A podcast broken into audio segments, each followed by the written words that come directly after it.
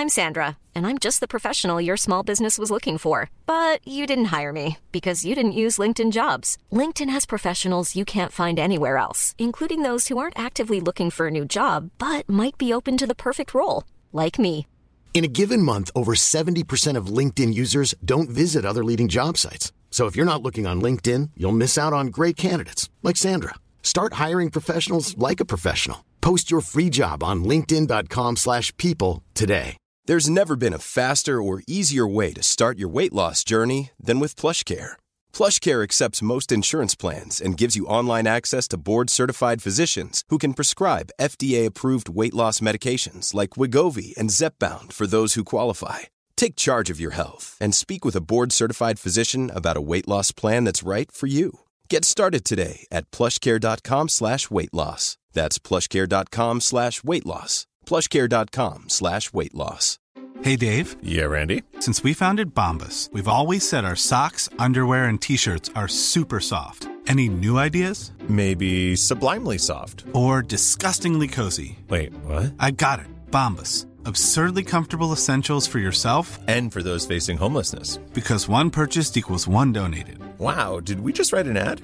Yes. Bombas. Big comfort for everyone. Go to bombas.com slash ACAST and use code ACAST for 20% off your first purchase. Välkommen tillbaka till podcasten Utan dig med mig Alexandra. Och med mig Emelie.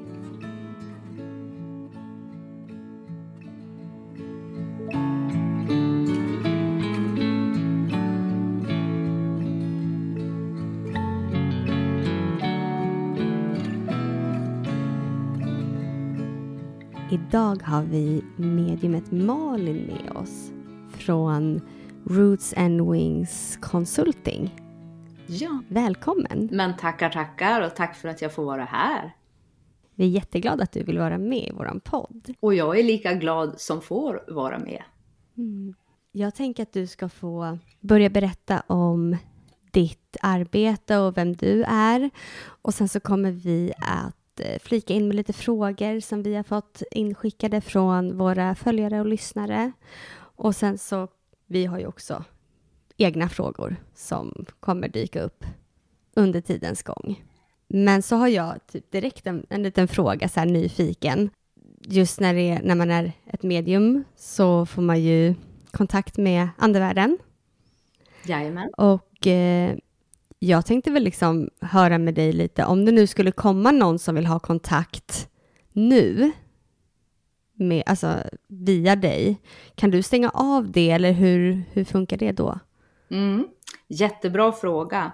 Eh, om man säger så här, många gånger inom det andliga så pratar vi om att vi är antingen öppna eller stängda. När det kommer till mig, jag kan bara utgå i från mig själv, hur jag fungerar, så är jag aldrig riktigt nedstängd. Utan jag har alltid eh, en dörr på glänt till andevärlden har så alltid haft, så jag är aldrig helt nedstängd. Skulle det vara så att någon kliver fram, till exempel under den här podden eller någon annan gång, då brukar jag alltid föra ett samtal om det är så att jag ska föra fram om det finns något budskap. Tittar man på medium som man ser på TVn eller TikTok eller något annat som ständigt levererar meddelanden till människor som inte har bett om det. Det tycker inte jag riktigt om för att jag är väldigt mycket för integritet. Men det har hänt att jag har överlämnat meddelanden till eh, människor. Men då har jag försäkrat mig om att jag faktiskt ska göra det. Så att det är mycket möjligt att det skulle kunna kliva fram någon. Ja, men då säger väl vi att vi, om det skulle vara så, så vill ju vi jättegärna ta emot ett meddelande. Jättebra, då vet vi det. Då har vi förankrat det också med andevärlden. För det är intentionen som är det viktiga när vi samtalar, om vi ska kalla det för det, med andevärlden. Jättespännande. Ja, verkligen. Men eh, nu får du berätta lite Malin. Vem är du? Ja, jag är ju då Malin Stenrana, bor i Örnsköldsvik i vackra Höga Kusten i Norrland. Jag är 50 år gammal snart och eh, jobbar som medium, healer, tarottydare. Jag eh, jobbar som certifierad coach på PCC-nivå och även som hypnosterapeut. Så att jag har lite grann på min lyra när det kommer till olika verktyg kan man säga för att hjälpa människor i personlig utveckling. För det är det i grund och botten allting handlar om. Att hjälpa människor framåt. För det i mångt och mycket är det ju en jobbig väg vi har att vandra i den fysiska världen. Eh, det är inte bara räkmacka, utan vi har mycket att lära oss. Så där kan man behöva stöttning och hjälp från någon som jag då, likväl som man kan behöva stöttning från någon. Det kan ju vara psykolog eller läkare om man är sjuk eller något annat. Så att eh, det är vad jag gör eh, i stora drag kan man säga. Om man tittar på den andliga delen så är det ju så att jag är ju född i rätt familj. Det vill säga att alla som föds är ju då öppna eh, för intryck av andevärlden. Vi är ju, man är ju inte stängd, utan när vi föds så föds vi utan ett ego. Och det är när vi boostar ett ego som vi stängs mot andevärlden om vi har otur. Till exempel att man har familj eller föräldrar eller andra vårdnadshavare som helt enkelt säger att nej, sluta fantisera, eh, du, eh, när, kanske man pratar om låtsaskompisar eller så. Så säger de som är runt om en att nej, nej, nej, det finns inte eller ja, inte boostar och hjälper den här barnet framåt. Vilket gör ju då att man växer upp och blir stängd. Men som sagt, jag är född i rätt familj. Jag är eh, född med en mamma som hade väldigt många medium och spådamer runt omkring sig, så jag umgicks ju mest med henne och hennes vänner som boostade mig då helt enkelt. Eh, vilket har gjort att jag aldrig blivit nedstängd, utan jag har alltid haft det med mig och jag brukar säga att jag står med en fot i andevärlden och en fot i den fysiska världen hela tiden, för jag har väldigt lätt för att tippa över. Så sitter jag runt ett bord eh, och jag tycker att, eh, och vi är flera stycken och jag tycker att det är väldigt ointressant ämne, så kan jag ju tippa över och ha väldigt intressanta samtal med andevärlden. Så det är lite grann av min akilleshäl, eh, där folk kan säga att nu tycker de att jag ser väldigt borta och ointresserad ut, men då har jag mycket trevligare än någon annanstans. Så att eh, det, det, är faktiskt eh, lite roligt. Så jag har väldigt lätt för att mm. göra det. Men vad skulle det kunna vara för samtal då? Ja, det här är ju också intressant för att eh, vi i den fysiska världen, eller den fysiska människan, tror ju att ett samtal med andevärlden låter som du och jag, eller vi, ni och jag, pratar, alltså med den här rösten. Men så funkar inte, utan det är ju då en, en tolkning som sker, och den kan ske på olika sätt. Ibland kan det vara som ett prat, till exempel antingen inne i mitt huvud eller att jag hör det, men jag kan uppleva det som känslor, jag kan uppleva det som filmer, som stillbilder, som färgbilder, som svartvita bilder. Men jag förstår alltid med alla mina sinnen vad det är de vill förmedla i det stora hela. Det som kan vara jobbigt om man till exempel att man kanaliserar, eh, att man har en, en seans man kanaliserar eh, någon från andevärlden, då kan det vara svårare att få på detaljnivå. Men det är också en upp, uppträning, det är någonting man tränar upp. Så att om jag sitter runt ett bord och jag faller över så är det en, alla mina sinnen som eh, tar del av det här samtalet. Men det är inte säkert att jag efteråt kan sitta och säga att ja, men vi pratar om det här och det här och det här och det här, utan det är den här helhetsupplevelsen. Eh, så att det finns en förståelse hos mig när jag är där och det, den här enorma kärleken. Så att ibland då, då kan jag, ja men den här kom fram i det här samtalet och så är det som en idé om någonting och så vet jag hur jag ska göra det. Kan det vara. Mm. Som ett exempel. Så det är lite svårt att förklara hur ett sånt samtal kan gå till. Mm. Men jag tänker, dina klienter, Mhm. eller typ som vi, om vi går till ett medium, då är ju det oftast för att vi vill ha kontakt med någon släkting eller någon som vi känner. Mm. Men om du tippar över och hamnar i samtal med någon, är det alltid någon då som du har någon anknytning till? Eller kan du liksom hamna i samtal med eh, helt främmande Ja. Och det här är ju också nästa del som den fysiska människan har så svårt att förstå. Det är att när vi lever i, i våran eh, fysiska värld här på jorden så är vi ju en person med en kropp och ett ego. Och i, i våran kropp så finns det ju också en själ. När vi dör så övergår ju själen och återvänder hemåt kan man säga. Eller den återvänder hemåt. Eh, vilket gör ju att det finns ju ingen fysisk kropp som längre hindrar själen. Så tänk er att un, eh, andevärlden är som ett moln av energi. Vilket gör att andevärlden är ju ett. Det är inte ett, det är inte ett jag, utan det är ett vi. Vilket gör att när en fysisk person väljer att gå till ett medium för att kanalisera någon närstående så tycker den fysiska personen att det bara måste vara någon som man känner eller som man längtar efter eller så. Men i andevärlden så finns det inga blodsband. Det finns ingen ålder, det finns, det finns liksom inget sånt som det vi har i den linjära eh, livet på jorden, det är att vi föds och vi dö, dör. Det är ju en linjär tideräkning. Så att om man tänker sig då att man, man går till ett medium så, så kan man ofta få ett tunnelseende att det måste vara en specifik person. Medans andevärlden kliver fram därför att de vet att om det inte kommer någon som, de, eh, som den här fysiska personen skulle känna igen så tar man inte emot meddelandet som man behöver höra. För att de kommer alltid med väldigt specifika meddelanden. Ibland förstår man det klockrent. Ibland förstår man inte stunden utan det måste gå en tid innan. innan. Det är därför jag är också eh, väldigt promota att man ska spela in. Antingen spela in åt klienten eller så får klienten spela in själv. Det spelar ingen roll.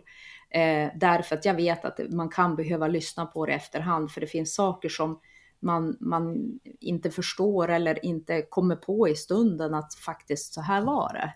Eh, eller så här är det. Så att när jag tippar över och pratar med någon i andevärlden, ett, jag funderar aldrig på vem det är som lämnar de meddelanden. Det kan vara mitt andliga team eller andra högre stående entiteter eller eh, någon närstående på min sida eller någon annan som tillhör min familj eh, i något avseende. Så att eh, det är tyvärr så får vi ofta för oss, och jag vet att det var en av frågorna, att eh, det här med stannar till exempel ett barn kvar i samma ålder när man dör.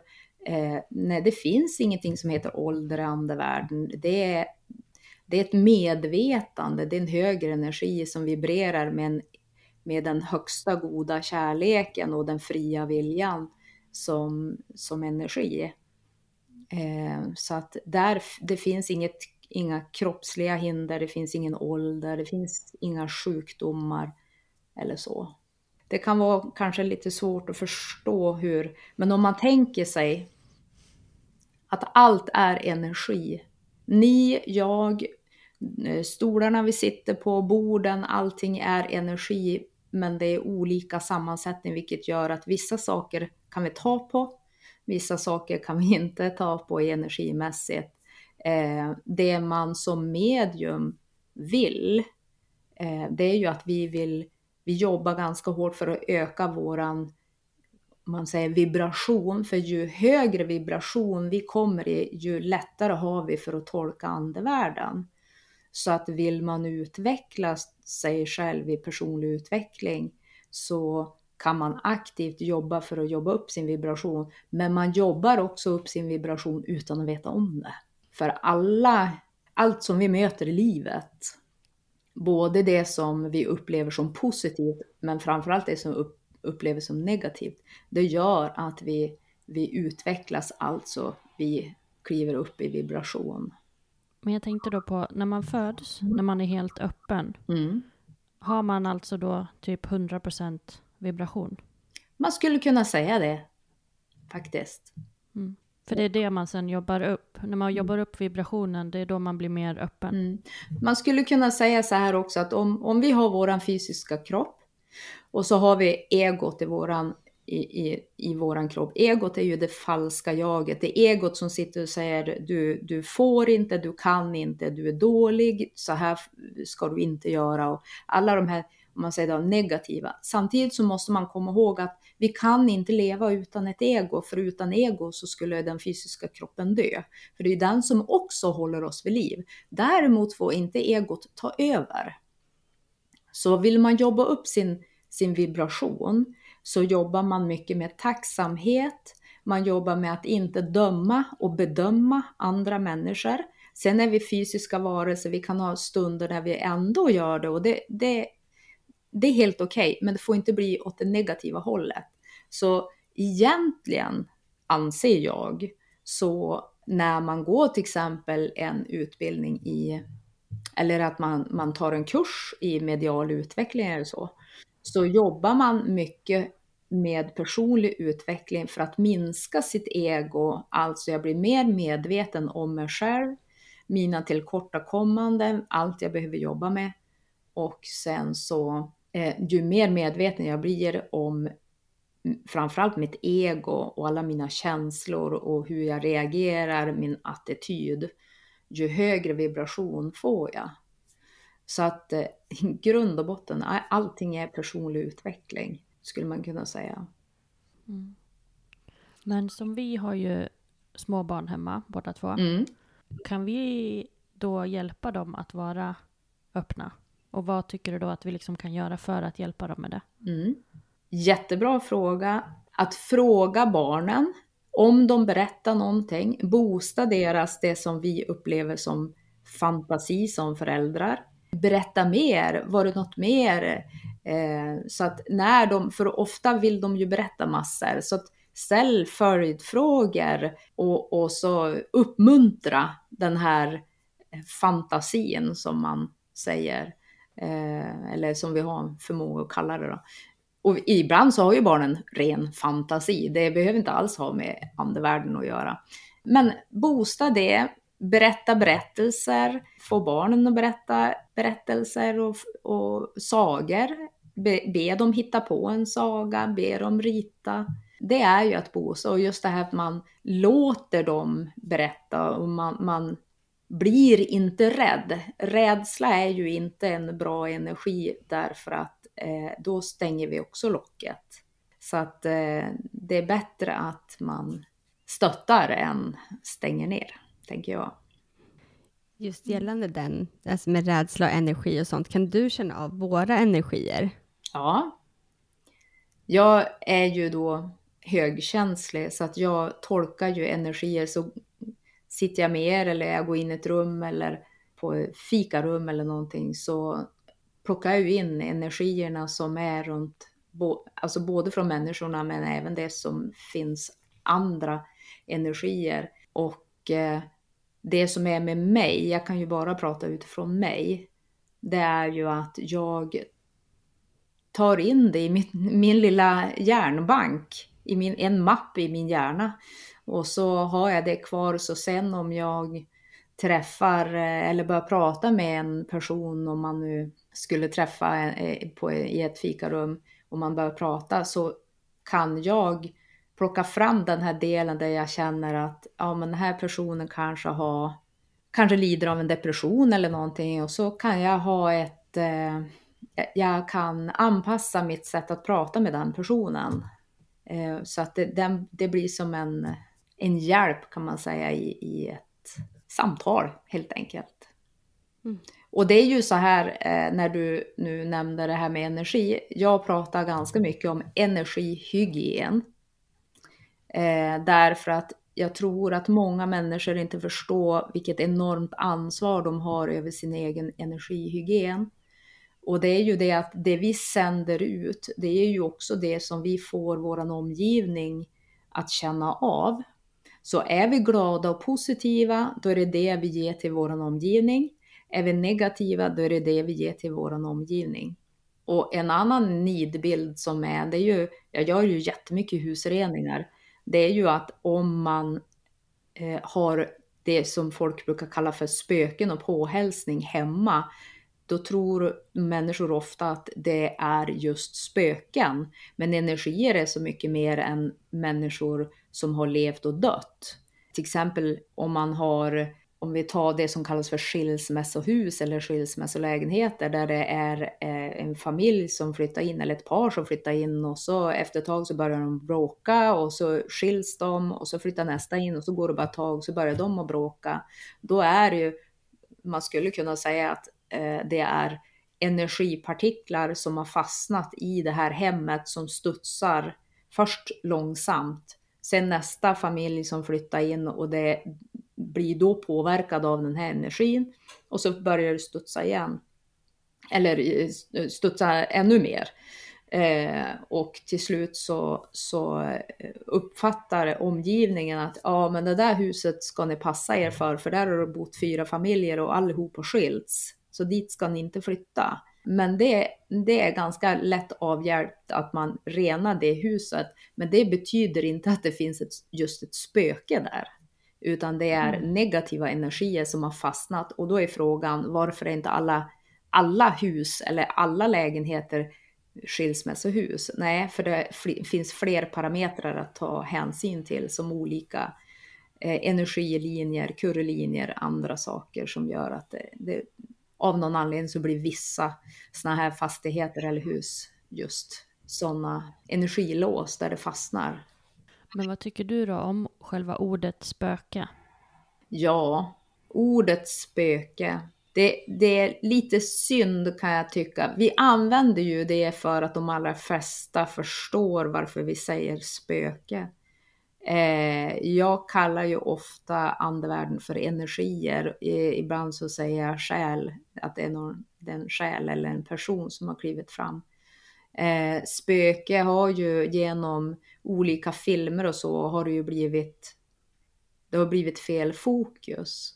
Sen finns det ju själar som har blivit jordbundna, alltså de har fastnat i mellanvärlden, alltså de, är, de har dött men de har inte klivit över till andevärlden. Ofta är det ju så att de med andevärlden brukar hjälpa dem över till slut också, men det finns vissa som, som eh, verkligen inte vill släppa taget och det är olika. Ibland, jag har varit med om att det har, att det har varit någon yngre person som har småbarn till exempel som, som absolut var i sitt fysiska jag livrädd för att lämna sina barn, alltså dö och lämna sina barn. Så att den kvinnan vart, vart en jordbunden ande för att hon verkligen, hon ville verkligen inte släppa taget och då, då lite slog det slint och hon blev jordbunden. Men det är inte, inte jättevanligt ska jag säga faktiskt. Det vill jag Men inte påstå. är jordbundna andar alltså lite, inte dumma eller elaka, men inte lika trevliga på något sätt? Ja, alltså jordbundna andar, de har ju fortfarande ett ego kvar skulle man kunna säga. Så de kan ju ställa till med ja, mer hyss, om man säger då. Eh, och mer illvilligt hyss. Eh, sen finns det ju andra energier som in, inte är så goda, om man säger, eh, även om de är mer ovanliga. Men de finns ju.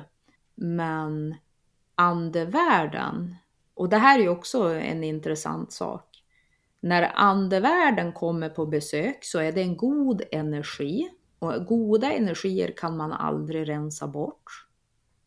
När de kommer på besök så kan den fysiska personen uppleva att de ställer till med problem eller att de spökar för mycket så att man blir rädd. Men det är inte deras avsikt. De vill skapa uppmärksamhet av en anledning. Men de menar inget illa. Men den fysiska personen kan tro att de menar något illa för att det, det är så mycket aktivitet och, och, man blir rädd och sådana saker för att man förstår inte. Men det är inte deras avsikt. Men skulle andevärlden också typ visa lite mer respekt eller vad man säger till de som kanske är mer rädda Mm. och sen kanske visa sig mer för de som inte är lika rädda? Mm. Men vet du vad nyckeln är i den delen? Det är personen. Nej. Och det här är ju alltså den fysiska personen som det sitter i därför att rädsla är ingen bra energi därför att om vi tar en fysisk person som är rädd för hundar, vem går hunden till? Ja, det är den som är hundrädd naturligtvis. Så om man är rädd, då kan man säga att man slår sin egen energi i baklås och man, man eh, eh, blir inte lika medveten, alltså att man, man är på ett, eh, ett ytligare plan kan man säga, så att man kan inte tänka logiskt, man kan inte lugna ner sig heller, så man blir rädd. Men om man lugnar ner sig och tar till sin pondus och så säger man till andevärlden att vet ni vad? Jag skulle vilja bli lämnad i fred nu för nu ska jag gå och sova och jag vill inte bli störd i natt när jag sover. Så snälla lämna mig i fred så att jag kan sova. Då gör de oftast det om det inte är så att de har ett väldigt specifikt meddelande. Problemet med den fysiska människan det är att man blir rädd och så agerar man kanske lite, eh, vad ska jag säga, ologiskt, eh, vilket gör att man blir ännu mer uppspelt och ännu mer rädd. Eh, vilket gör att andevärlden upplever att nu har vi fått kontakt och nu ska vi försöka ännu mer få den här personen att förstå. Men det, det, liksom, det slår lite slint där kan man ju säga. Därför att det spelar ingen roll vad andevärlden gör så kommer personen uppleva det som en rädsla. Men om man, om man är tydlig, för man kan faktiskt vara tydlig med andevärlden. Väldigt tydlig. Men ska man säga det då liksom högt, alltså så att jag hör det själv? Eller men, ska man tänka det? Eller hur ska man säga det? Från början så sa jag så här att intentionen är det viktigaste. Våran intention som vi sätter, den är jätteviktig. Om jag har utifrån mitt sanna hjärta en intention, till exempel att nu vill jag bli lämnad i fred för andevärlden och verkligen känner det i mitt hjärta, då behöver jag inte säga någonting högt. Jag behöver bara, alltså egentligen inte ens tänka det. Men för den fysiska människan så kan det vara skönt att säga det högt. Att jag vill, för då, då, har man, då har man talat om det för sig själv också att nu ska jag, nu ska jag bli, bli lugn eller nu, nu har jag gjort vad jag kan för att inte vara rädd. Så där är ju som två eh, skilda saker. Eh, och när vi nu är inne på intention, jag jobbar ju jättemycket med attraktionslagen. Alltså det du, det du tänker, det blir du, skulle man enk extremt enkelt översatt skulle man kunna säga. Det som folk inte förstår, det är att man kan inte leva nästan en, jag höll på att säga en sekund av sitt liv utan att sätta en intention. För när man går och lägger sig på kvällen, så de allra flesta sätter ju klockan att en tid man ska kliva upp. Alltså har jag satt en intention att jag ska kliva upp. När jag kliver upp så sätter jag en intention att jag ska dricka en kopp kaffe eller jag ska äta en frukost. Sen sätter jag min intention att jag ska gå på jobbet. Så vi sätter intentionen hela dagarna i ända, men vi tänker aldrig på Hey, I'm Ryan Reynolds. At Mint Mobile, we like to do the opposite of what Big Wireless does. They charge you a lot, we charge you a little. So naturally, when they announced they'd be raising their prices due to inflation, we decided to deflate our prices due to not hating you. That's right. We're cutting the price of Mint Unlimited from $30 a month to just $15 a month. Give it a try at mintmobile.com slash switch. $45 upfront for three months plus taxes and fees. Promo for new customers for limited time. Unlimited more than 40 gigabytes per month. Slows. Full terms at mintmobile.com. Hiring for your small business? If you're not looking for professionals on LinkedIn, you're looking in the wrong place. That's like looking for your car keys in a fish tank. LinkedIn helps you hire professionals you can't find anywhere else, even those who aren't actively searching for a new job but might be open to the perfect role. In a given month, over 70% of LinkedIn users don't even visit other leading job sites. So start looking in the right place. With LinkedIn, you can hire professionals like a professional. Post your free job on linkedin.com slash people today. Eh, så det viktiga är ju att vad vill jag? Ja, jag vill bli lämnad i fred. Då måste jag sätta den intentionen och jag måste känna i mitt hjärta att jag faktiskt menar det. Problemet ofta kan vara till exempel när jag gör husreningar. Då är jag jättetydlig med den som jag är hos och säger att nu kommer jag rena här och det kommer att bli lugnt. Men det kommer också med ett, ett förbehåll och det är att när jag har varit här, då kan du inte sitta eller ni i familjen sitta och så prata jättemycket om allt det jag har plockat bort eller vad som har kommit fram. För då blir det nästan som en portal som lockar till sig kanske inte samma energier, men ny energi för att andevärlden, eh, när de känner att de får chansen att komma till tals eller få ge uttryck för någonting, då är de ganska snabb på att komma när man öppnar den dörren. När man säger så här kom, kom, kom genom att man pratar, man, bor, man pratar den här energin. Det är ungefär som när ni går på en, ja, något event där man sitter och klappar händerna och så alla klappar händerna och så känner man så här, oh wow, hela taket lyfter av den här energin. Det är också vibration så att när man bo, pratar mycket så boostar man den och då kan man locka till sig också. Så vill man inte ha aktivitet så måste man vara väldigt noga med att vi, vi ska inte prata om det om man inte då har kunskapen om hur man ska förhålla sig till det. Till exempel som jag gör. Jag renar ju både mitt hem och min lokal hela tiden för att ingenting ska fastna här som inte hör hemma här. Mm. Men skulle du säga att det är bra att göra något speciellt för att förbereda sig liksom, eh, inför att träffa ett medium? Ja, det finns jättemycket man kan göra och det är en jätte, jättebra fråga. Det är ju så här att innan man går till ett medium, ofta har ju de allra flesta eller allra flesta kanske och dra över alla över en kam, men många kanske har en tanke på en specifik person, om vi kallar det för det, en själ som man önskar ska kliva fram i sessionen. Problemet där det är när man vill för mycket så får man ett tunnelseende, vilket gör att man, man eh, egentligen stänger eller trycker ihop sin energi. Vilket gör att jag som medium kan uppleva att det är mycket trögare. Jag kan uppleva att det spelar ingen roll hur mycket bevis jag än lägger fram, så har den person sån tunnelseende Eh, så om det är då någon annan som kliver fram och det spelar ingen roll hur mycket bevis jag lägger fram, så har den personen så mycket tunnelseende så de säger att nej, jag förstår inte, jag förstår inte. Jag vet att jag har rätt, men personen har sånt enormt eh, tunnelseende så att det mm, blir mer blockad för den personen. Så det man kan göra, nu får ni heta tips här, det man kan göra det är att när man har bestämt sig för att boka ett, ett möte med ett medium så bestämmer man sig för att jag bjuder in alla, alla som vill ge mig ett kärleksfullt meddelande. Jag bjuder in er alla, jag är öppen för allting. Men har man då en önskan om att det ska vara en specifik person, vi säger nu då mamma, om vi bara tar det som ett exempel. Då kan man eh, veckan innan eller två veckor innan beroende på hur lång tid man har på sig.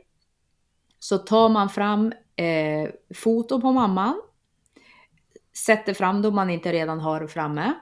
Man pratar med mamman, man uppmanar mamman att nu den här dagen, den här tiden ska jag vara och träffa det här mediumet och jag skulle bli så överlycklig om du skulle vilja kliva fram och ge mig några meddelanden. Man kan till och med uppmana den här mamman att säga att jag vill att du specifikt ska prata om någonting. Eh, till exempel man skulle kunna säga att eh, eh, mamma, jag skulle vilja att du pratar om den här nya tatueringen som jag gjorde där och då. Sen så kan man sitta och bläddra i fotoalbum och skratta framför allt. Alltså tänk hög energi, eh, lätt energi, kärleksfull energi. Så man kan titta på foton, man skrattar, man eh, berättar kanske för någon annan i familjen eller mm, vän eller vem man nu har om att eh, några historier kring. Så man jobbar upp en lätt energi innan det här mötet. Och så sen så, som jag jobbar, då har man möjlighet att ta med sig en bild i ett kuvert som man har, man har klistrat igen, som också ökar chanserna att det är just den personen. Så då sållar man ut lite grann. Sen jag som medium, jag ber ju alltid att det är eh, klientens önskan om den som ska kliva fram, att den ska få möjlighet till det. Men sen jag styr inte andevärlden, jag är bara ett verktyg. Så att jag kan inte göra någonting för att det är någon specifik som ska kliva fram, utan jag kan bara förmedla de meddelanden som kommer. Så att man, man kan göra, jobbar man med sin energihygien i det här fallet så, så skulle jag säga att man förbättrar oddsen väldigt mycket. Men att gå till ett medium, bara den liksom, tanken på att göra blir ju också att man känner sig nervös. Mm. Så är det en bra eller dålig energi? Eh, jag skulle säga så här att det är en bra energi om man inte har det här tunnelseendet. Och tunnelseendet kan man få av olika anledningar. En av frågorna, det var ju eh, det här med hur snart kan man få kontakt med en anhörig efter att den har dött? Eller kan de döda känna av om vi är rädda eller inte vill att de ska visa sig? Så den här nervositeten, den behöver inte vara dålig om man då inte har tjurat fast sig i sitt tunnelseende att det måste vara en väldigt specifik eh, person.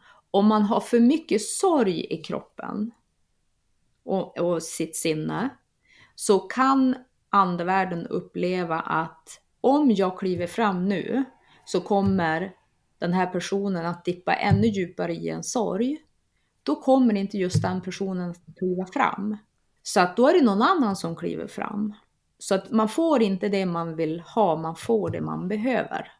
Så att eh, är man för mycket fylld av sorg eller har, och, och, sorg kan då skapa ett tunnelseende naturligtvis. Men jag har varit med om ganska många gånger där, som svaret på den här första, hur, hur snabbt kan man få kontakt? Jag har varit med om anhöriga som har kommit till mig och begravningen har inte ens varit än och det har gått hur bra som helst. Så att det finns liksom ingen tidsram, för det är, det, vi har en linjär tideräkning i, vårat, i våran värld medan det har ju inte andevärlden. De, de kan ju både hoppa bakåt och framåt i tiden och uppåt och nedåt och eh, så. Eh, en, en av de här andra frågorna som, som tangerar det här, jag vill så gärna komma i kontakt med min döda mamma, hur gör man? Ja, återigen, man kan inte bestämma att ja, mamma ska kliva fram. Eh, men man kan som sagt göra eh, förutsättningarna så mycket bättre om man, om man bjuder in och man öppnar upp energin. Men om man till exempel skulle ha smycken eller kläder eller saker som liksom tillhör den personen man mest önskar att få kontakt med. Mm. Kan det hjälpa? Ja, absolut. Att man hedrar personen som, som man önskar ska kliva fram. Eh, jag säger också antingen så tar man med ett fotografi eller så tar man med en, en tillhörighet. Det som kan vara lite trixigt i det, det är att det har hänt. Det är inte jätteofta det har hänt. Men till exempel att någon har kommit med, med ett armband eller ett, en klocka till exempel. Och så har det varit eh, arvegods så att den person som har gått bort, det var inte dennes klocka egentligen, utan den kanske tillhörde mamman eller pappan till den bortgångna. Så att, eh, och då, då kan jag även känna av den energin, även om inte det är just den som kliver fram. Men jag kan känna av den energin, för att alla saker har ju, om man ska kalla det för ett energi fingeravtryck, energiavtryck. Det är därför när ni kliver in i ett rum så kan ni känna att oh, här har det varit någon eller här är det någon som har varit upprörd, men ni ser ingen som är upprörd. Eller, det är ju därför det, det blir som ett avtryck. Och det är samma sak på saker som vi äger och har som det, det lämnas ju kvar så att man kan känna av energier på saker också och i rum och så. Det är därför man kan göra husreningar.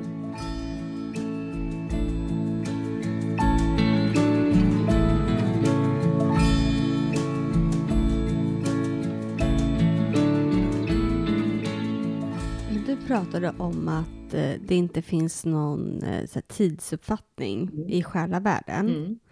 Kan man, alltså kan själen leva i flera, enligt oss då, liksom ti- tider samtidigt? Typ? Mm. Förstår du vad jag menar? Ja. Min tro, och nu sa inte jag det från början, jag vet att jag nämnt det till er, till er tidigare. Det här, jag pratar ju alltid utifrån min tro, det som jag upplever är som min sanning, vilket betyder att ingen annan behöver ha min tro eller ens tycka som jag eller gilla det jag säger. Men min, min starka övertygelse, det är ju om vi börjar från början, så innan vi kliver ner i, i den här fysiska världen så är vi ju då en energi, vi är ett, vi, är ett vi i andevärlden, universum andevärlden.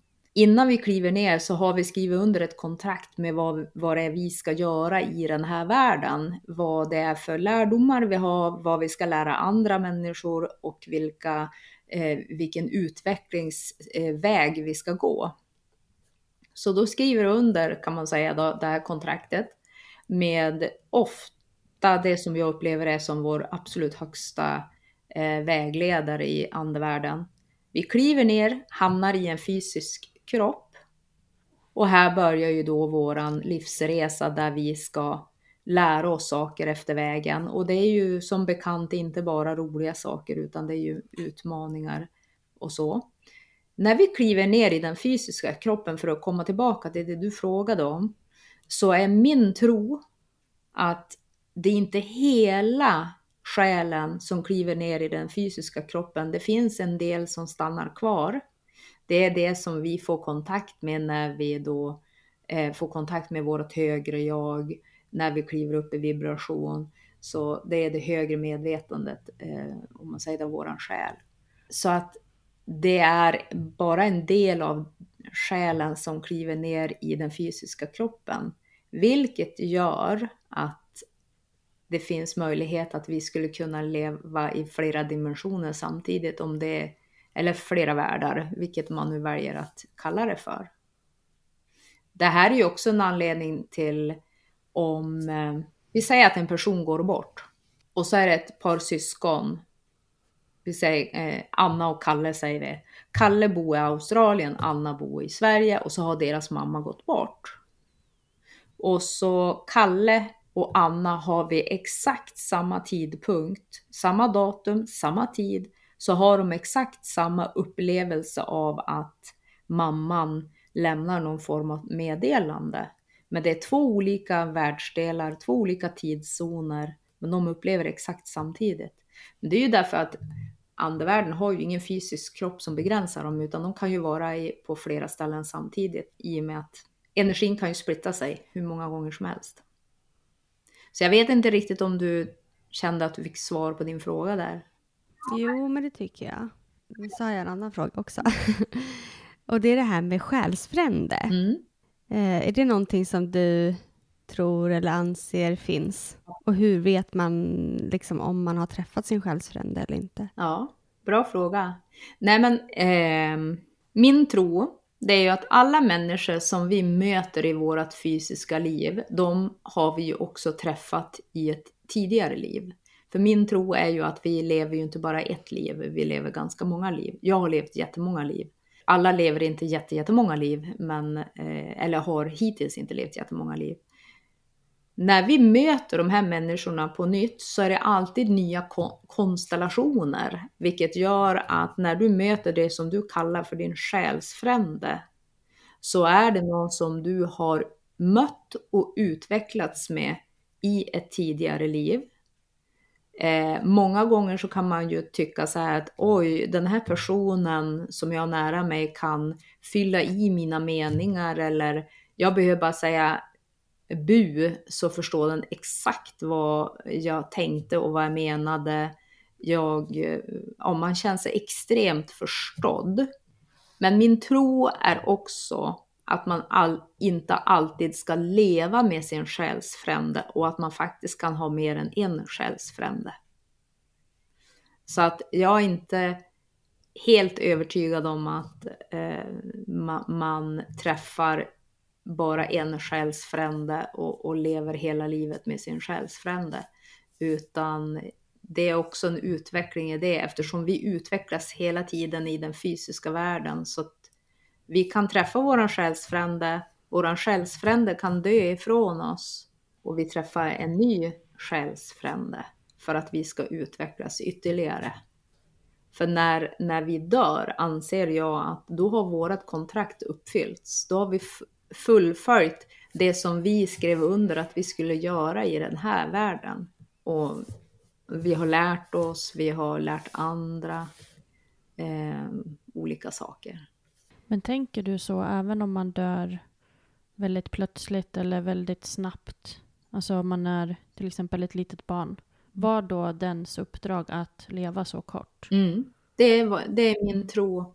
Och det är som jag sa, eh, tror jag, ett mejl till er också. Det här med att om, om jag separerar Malin, privatpersonen, alltså med egot, privatperson, men eh, personen med egot, så jag kan inte för mitt liv som liksom, fysisk människa förstå ens varför man skulle behöva gå igenom till exempel att ens barn dör eller drabbas av svår sjukdom, eh, kanske klarar sig men har en jätte, jättejobbig, eller någon annan närstående.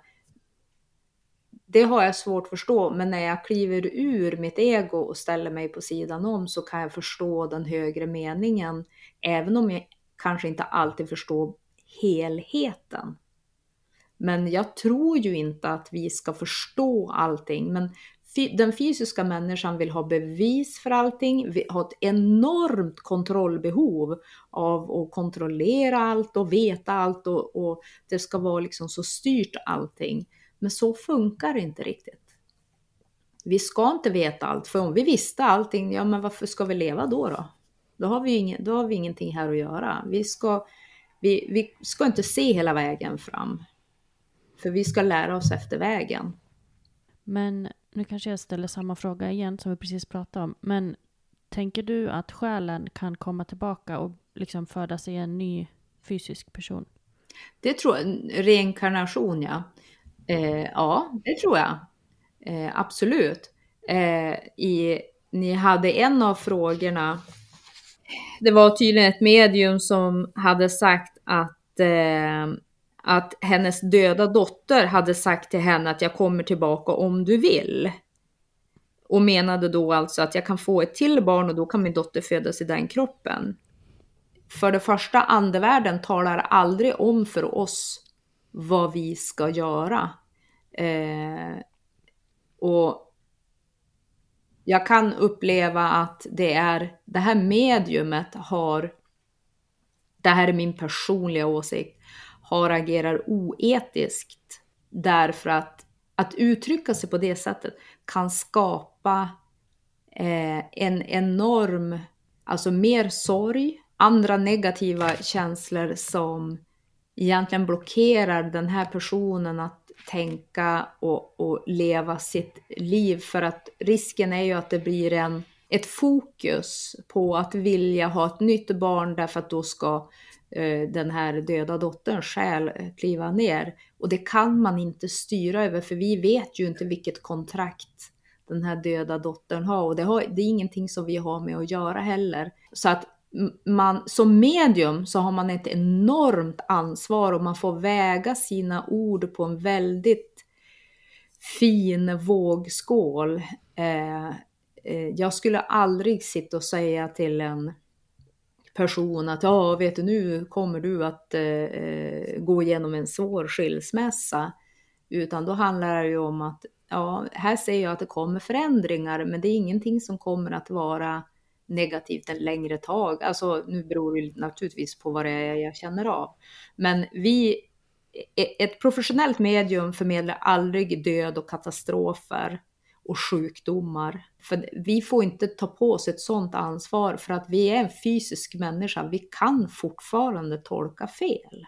Så att, eh, att säga att, att det är någon andevärlden har uppmanat, det, det är att skapa förhoppningar som man inte kan ta ansvar över och sånt gör man inte, anser jag. Men det är min personliga mm. starka mm. åsikt. Så det här med att till exempel se in i framtiden, eller vad man kan säga. Det är någonting som du som medium skulle kunna göra på ett sätt, men kanske väljer att inte förmedla. Ja, så skulle man nog kunna uttrycka det. Jag, jag skulle säga så här att jag begränsar den framtida eh, synen genom att se vad behöver den här personen just nu för att ta nästa steg.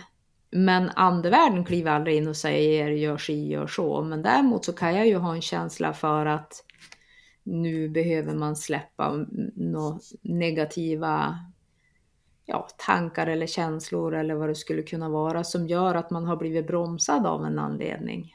Men att som i den här frågan uppmana så att man skapar egentligen falska förhoppningar, för det är ju ingenting som mm. någon vet om det skulle kunna bli.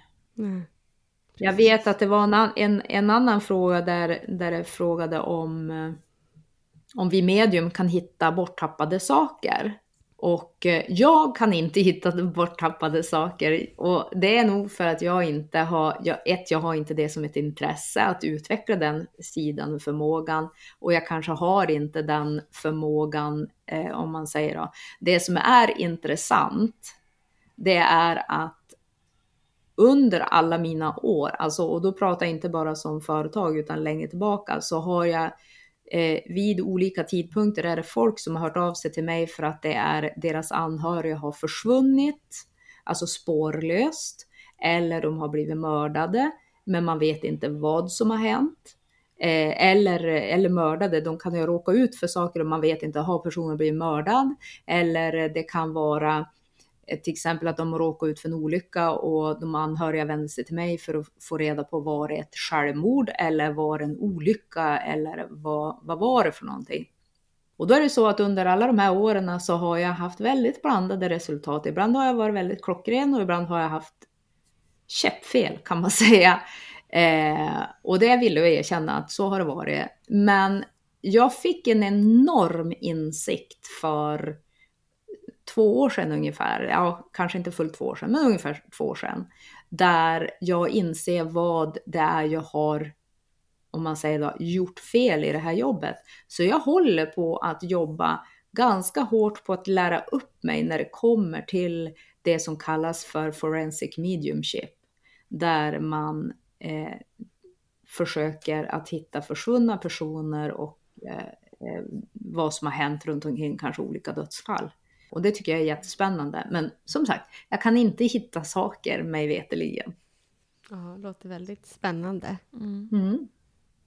Mm. Men jag tänkte också lite på, innan vi avslutar här, att du får jättegärna berätta lite om hur det fungerar att träffa medium digitalt. För det kan man ju göra mm. med dig. Ja, men precis. Och det är faktiskt ingen skillnad. Andevärlden har ingen tid och rum som, som vi har den, den, den här linjära tideräkningen som vi har pratat om.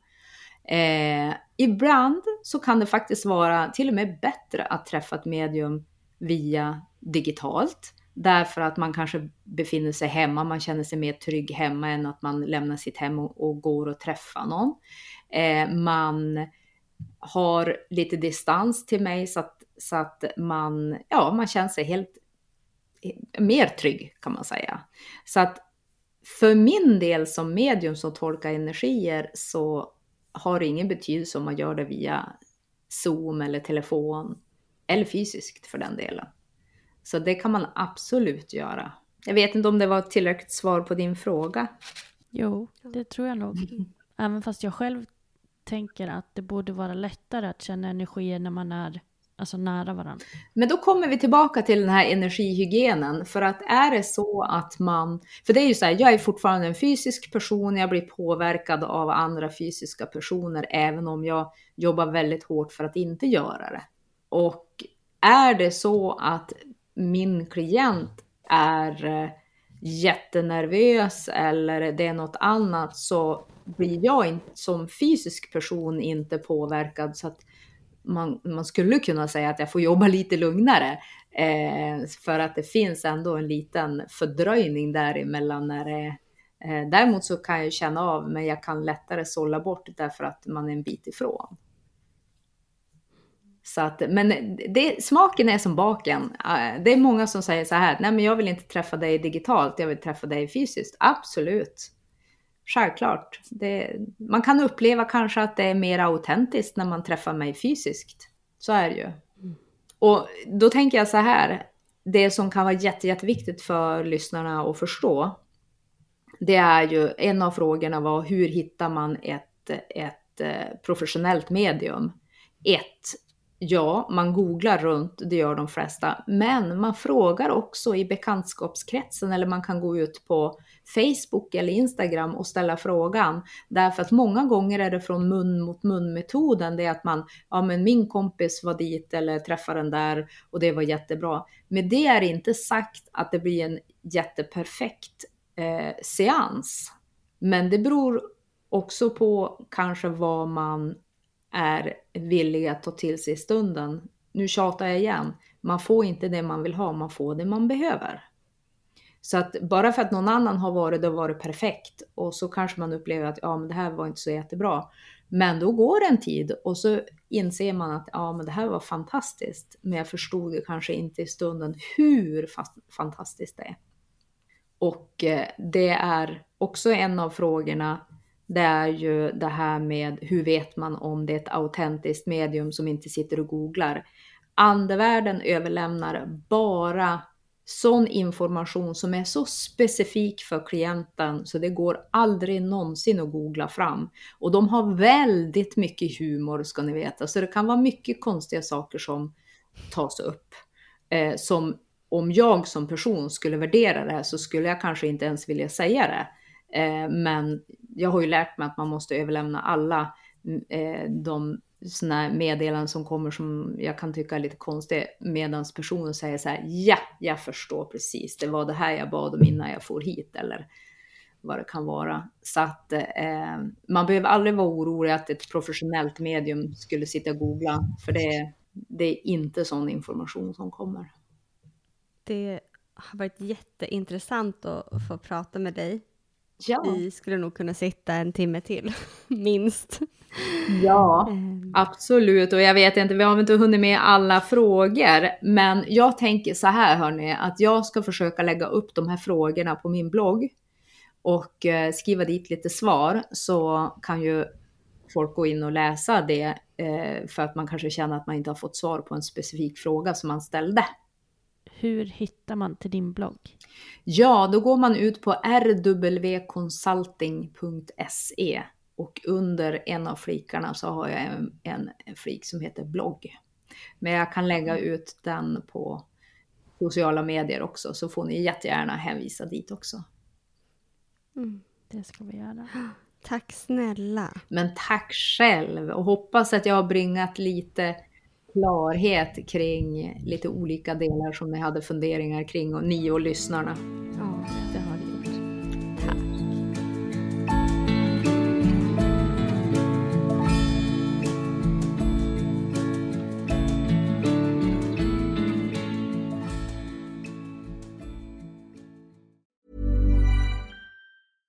Imagine the softest sheets you've ever felt. Now imagine them getting even softer over time. That's what you'll feel with Bowl and Branch's organic cotton sheets. In a recent customer survey, 96% replied that Bowl and Branch sheets get softer with every wash. Start getting your best night's sleep in these sheets that get softer and softer for years to come. Try their sheets with a 30-night guarantee. Plus, get 15% off your first order at bowlandbranch.com. Code BUTTERY. Exclusions apply. See site for details.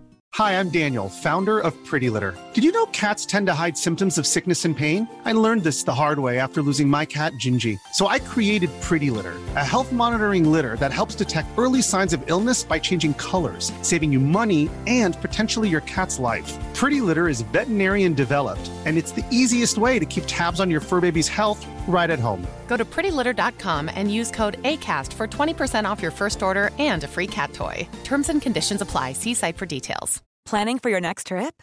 Elevate your travel style with Quince. Quince has all the jet setting essentials you'll want for your next getaway, like European linen, premium luggage options, buttery soft Italian leather bags, and so much more. And is all priced at 50 to 80% less than similar brands.